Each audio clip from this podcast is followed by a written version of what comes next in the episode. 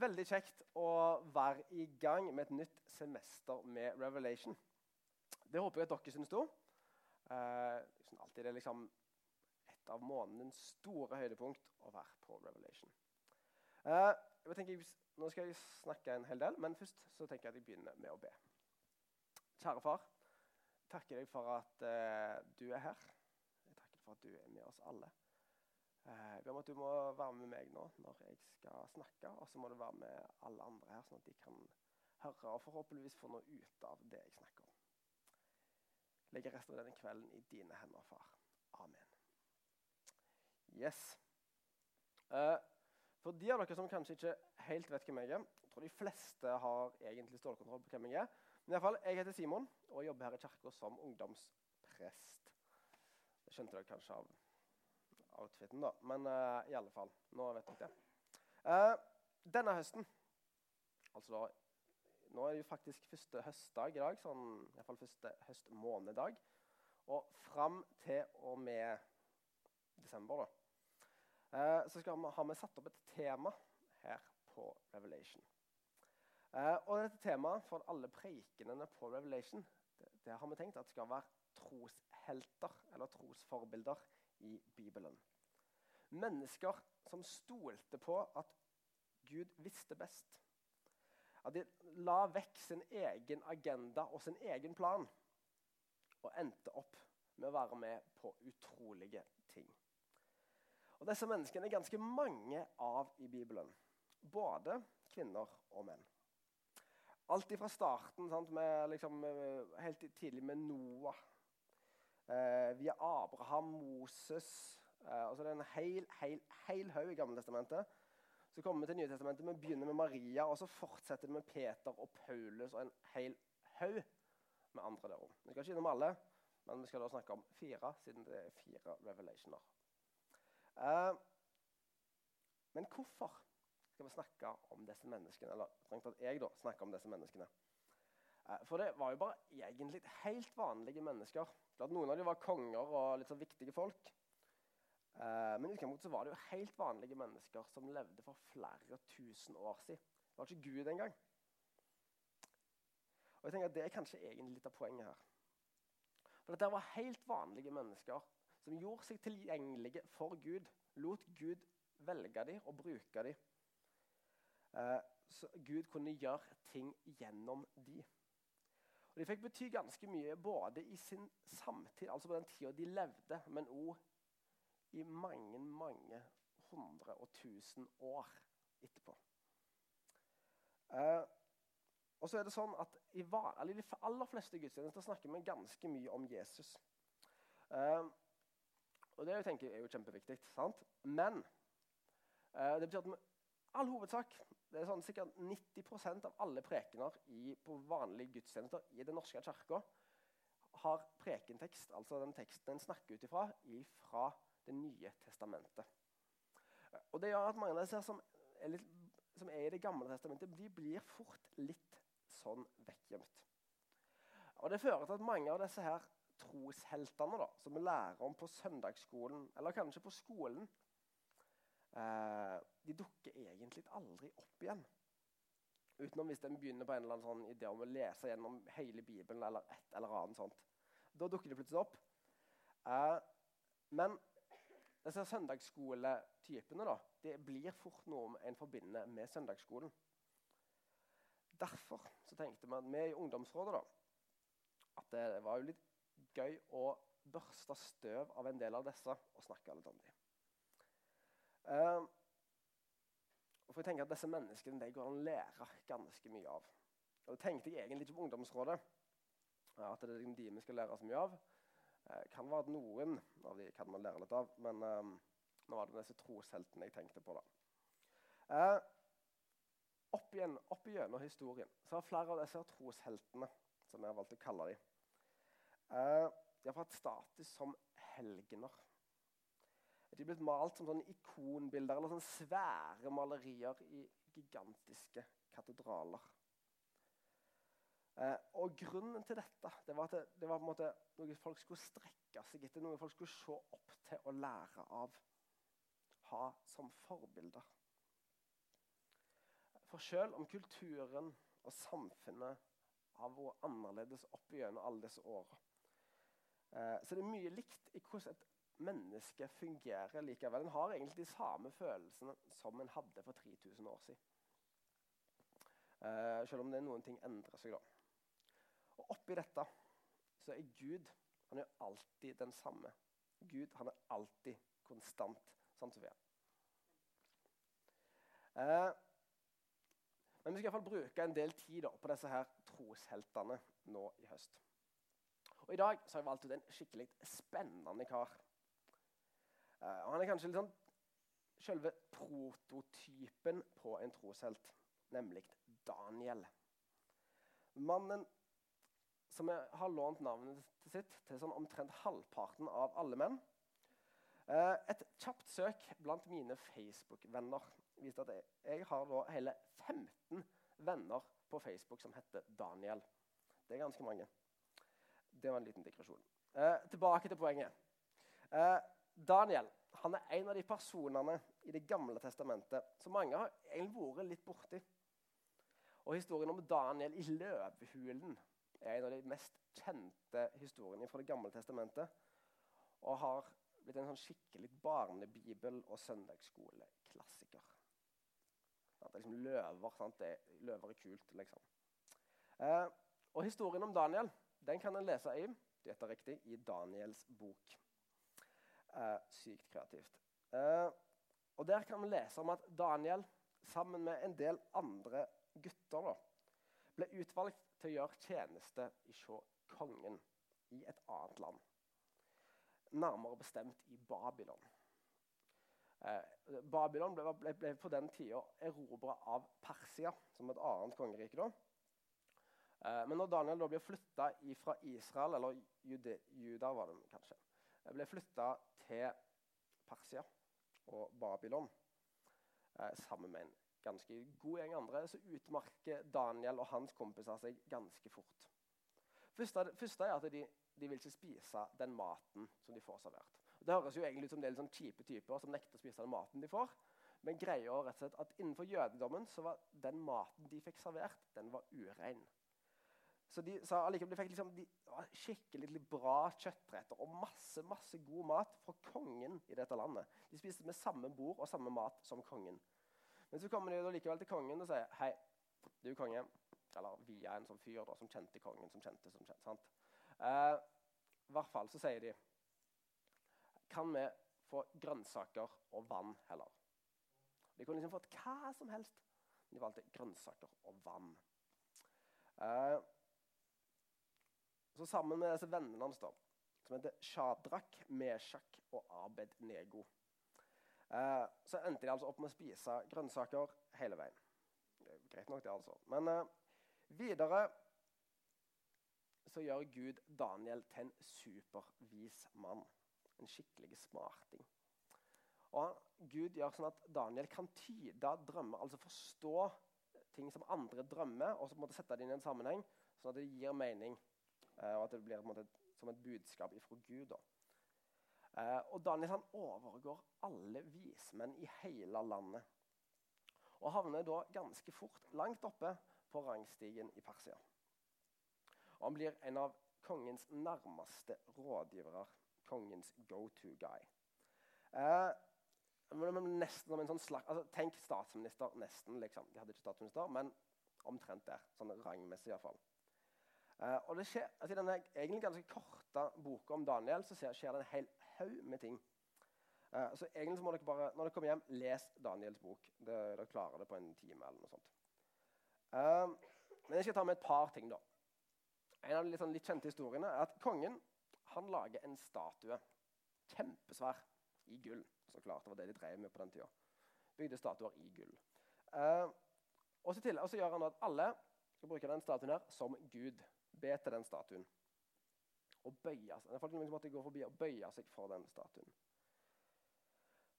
Og Så bestemmer da kongen at alle som nekter å bøye seg for denne statuen, de skal kastes i en brennende ovn. Og Dette skjer da med vennen til Daniel. Jeg vet ikke helt hva Daniel holdt på med. Han var sikkert på ferie eller annet sånt. Eh, men i hvert fall da Shadrach, Meshach og Abednego de nekter å, bli, å bøye seg. Og Disse er jo da ganske gode venner av kongen, men kongen kaster likevel de i ildovnen. Men Gud han sender en engel ned til jorda, inn i ovnen, som går sammen med disse tre inni denne brennende ovnen. Og Hvis du skal få en gigantisk ovn som det er liksom plass til mennesker inni, som du kan gå inn i Det er en ganske svær ovn. Uh, til og med hvis det er liksom Sofie og Jan Arne skal gå inn i denne ovnen. Uh, ganske stor ovn. sant? Uh, det betyr at du må ha ganske høy temperatur inni denne ovnen for at hele greia skal liksom brenne. Og Likevel så går tre mennesker og én en engel så disse vaktene som sto utenfor, de så plutselig fire mennesker. De hadde kasta inn tre. Ble litt stressa. Uh, I alle fall. Lang historie kort. Disse her uh, kompisene til Daniel de blir tatt ut igjen, for de har jo vært der inne kjempelenge. de har ikke bundet opp. Og det er ikke en eneste brannskade på klærne deres engang. Da snakker vi liksom flere hundre grader, kanskje nesten 1000 grader. De mistenker at disse vaktene ble bitte litt stressa, men det er en annen historie. Uh, men så, da. Den, den historien jeg tenkte jeg skulle liksom ta litt utgangspunkt i i dag, den står i Daniels bok kapittel 6. Den er egentlig minst like crazy. Og er nok den mest kjente historien fra denne boka. Kapittelet er litt langt, så jeg kan ikke lese hele. Men i alle fall. Daniel er som sagt en av kongens nærmeste eh, og mest betrodde medarbeidere. Og Kongen han stolte på Daniel, og Daniel var superviktig for kongen. Og viktig for at kongen skulle styre landet på en best mulig måte. Men som i mange andre sammenhenger så er det ofte sånn at hvis du er innflytelsesrik i landet ditt og har begynt å få ganske mye makt, så bygger du stort opp en skare av uvenner av en eller annen grunn. Folk som syns at de heller burde hatt makt istedenfor deg. Uh, og i tillegg så har Daniel han dukket, han var fortsatt egentlig litt ung. så han dukka opp i dette greia. Uh, så De som allerede var der fra før og hadde makt og måtte miste en del av makten sin for, for Daniel skulle få han, de ble jo da så klart ganske sure. Og Så prøver de å finne noe å ta Daniel på. Uh, bestemmer seg for at her må vi gjøre et eller annet. liksom. For Denne her utenlandske fyren kan liksom ikke bare komme inn i landet vårt og så havna liksom helt oppe på regjeringsnivå, som nærmeste medarbeideren til kongen. For nesten all makt i landet.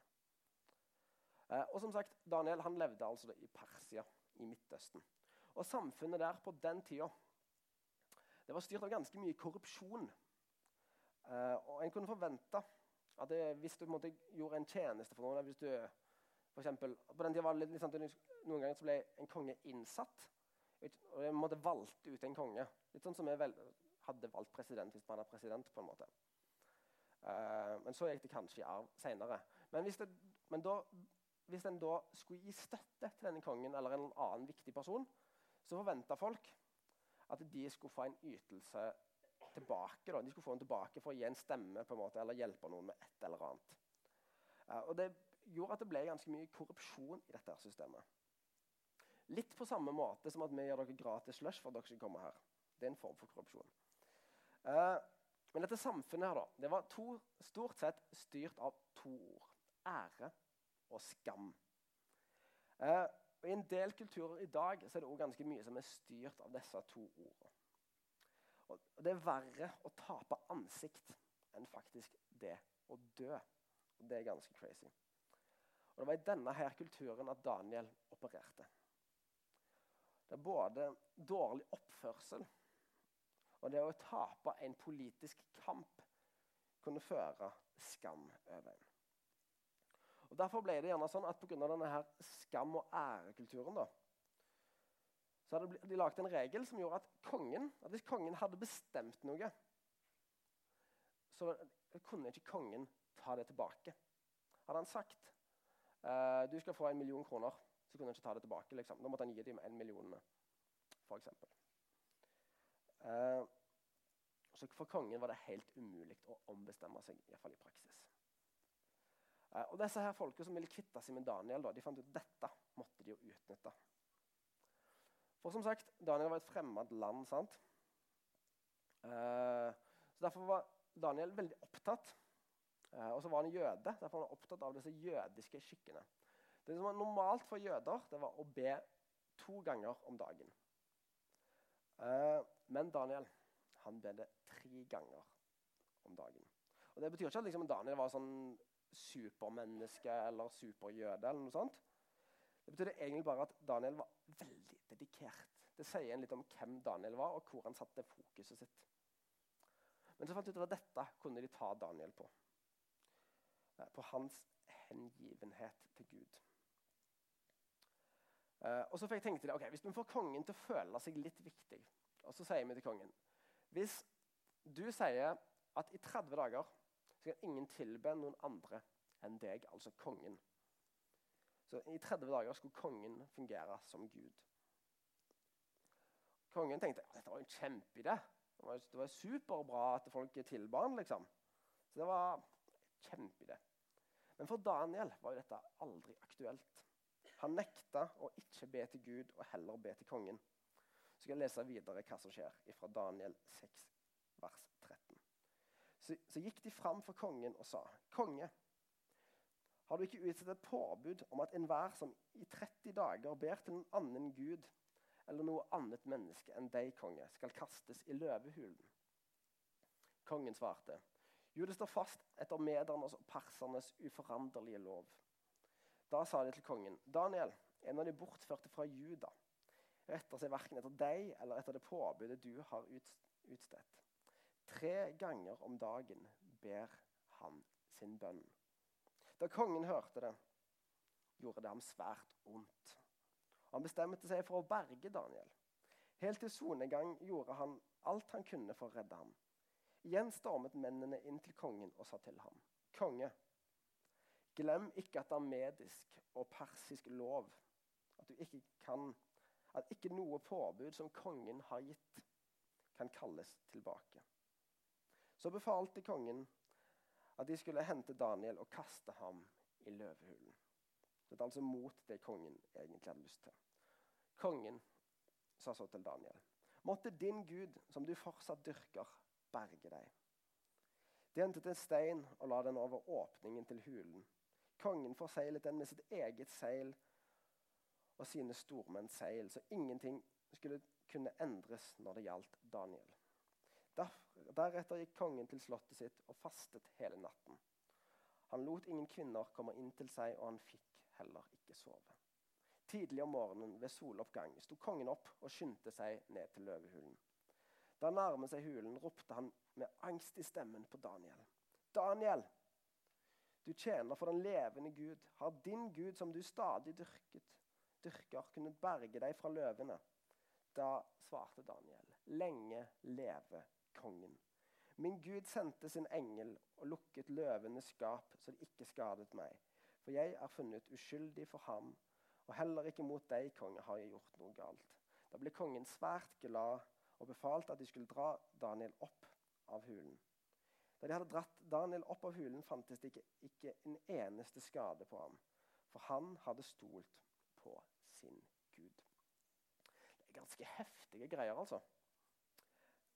Eh, og Det som er spesielt med denne her historien med Daniel, da, at han har hengt her sammen med en gjeng med løver liksom, en hel natt.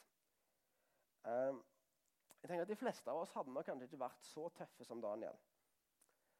Eh, nok, Noen av oss hadde sikkert kasta seg ned for denne her kongen hvis valget sto mellom å dø og leve.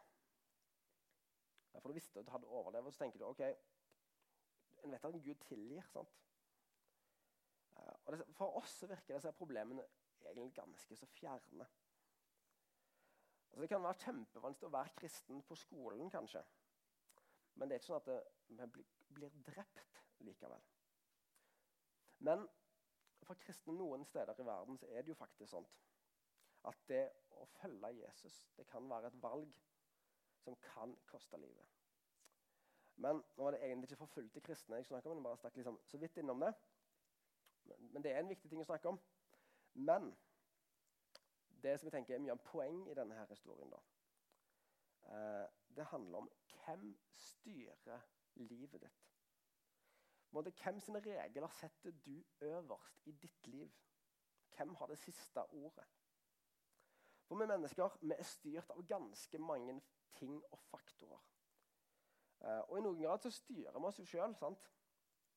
Eh, og vi som er kristne, har, ikke, har, kanskje i likhet med Daniel et ønske om at Gud skal være øverst på den rangstigen av den som styrer livet vårt. Eh, men, som sang, men, som sagt er det ganske mange ting som kommer inn her og forstørrer litt. Og kanskje har siste ordet noen ganger. For eksempel, da, Hvis jeg hadde bestemt meg for ok, nå skal jeg kun Guds lov som gjelder. All annen lov uvesentlig. sant? Jeg har satt meg i bilen, kjørt ut i 50-sonen eller 40 eller hva det er her ute. Tenkte, ah, 80 er fint. Eh, og så Hvis du blir stoppa av politiet, det blir det fort hvis du kjører i 80 i 50-sonen eh, Hvis du hadde svart til politiet jeg følger bare Guds lover. Da er jeg ganske sikker på at politiet ikke hadde blitt sykt imponerte. For å si det forsiktig. Eh, og Hadde alle holdt på sånn, så hadde det fort blitt fullt kaos.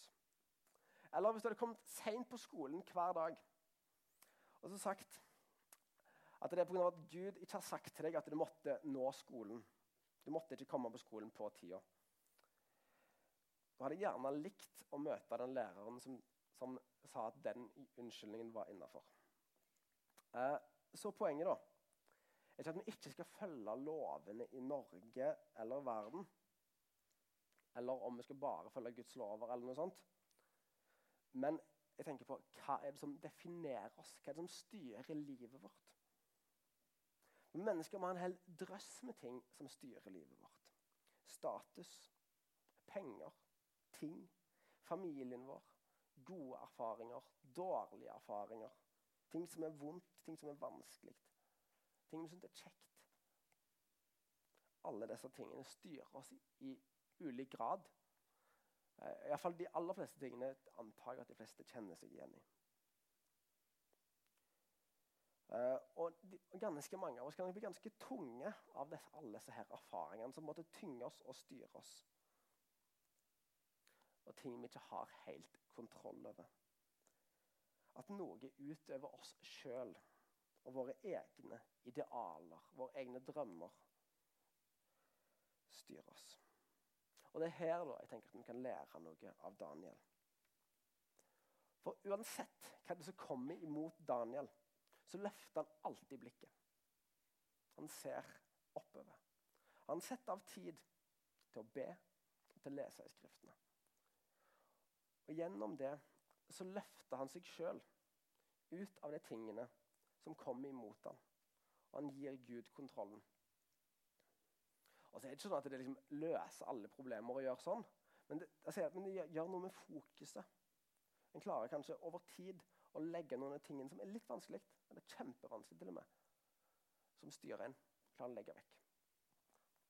Så til oss alle lar jeg meg styre av alt det vanskelige. Alt det alle andre vil at jeg skal være. Og samfunnet vil at jeg skal være. Alt det jeg ikke får til. Eller lar jeg meg definere av den av det Gud sier at jeg er. At jeg er et fantastisk og elska menneske. Og det er et, menneske som er så fantastisk at Gud sendte sin sønn til å dø for akkurat deg. Han ofra alt han hadde for akkurat deg. Akkurat som Daniel var villig til å ofre alt og ofre seg sjøl for alt det han trodde på. For Daniel han hadde sett at Gud han kunne tilby så uendelig mye mer enn alt av rikdom, berømmelse og makt, og til og med enn selve livet.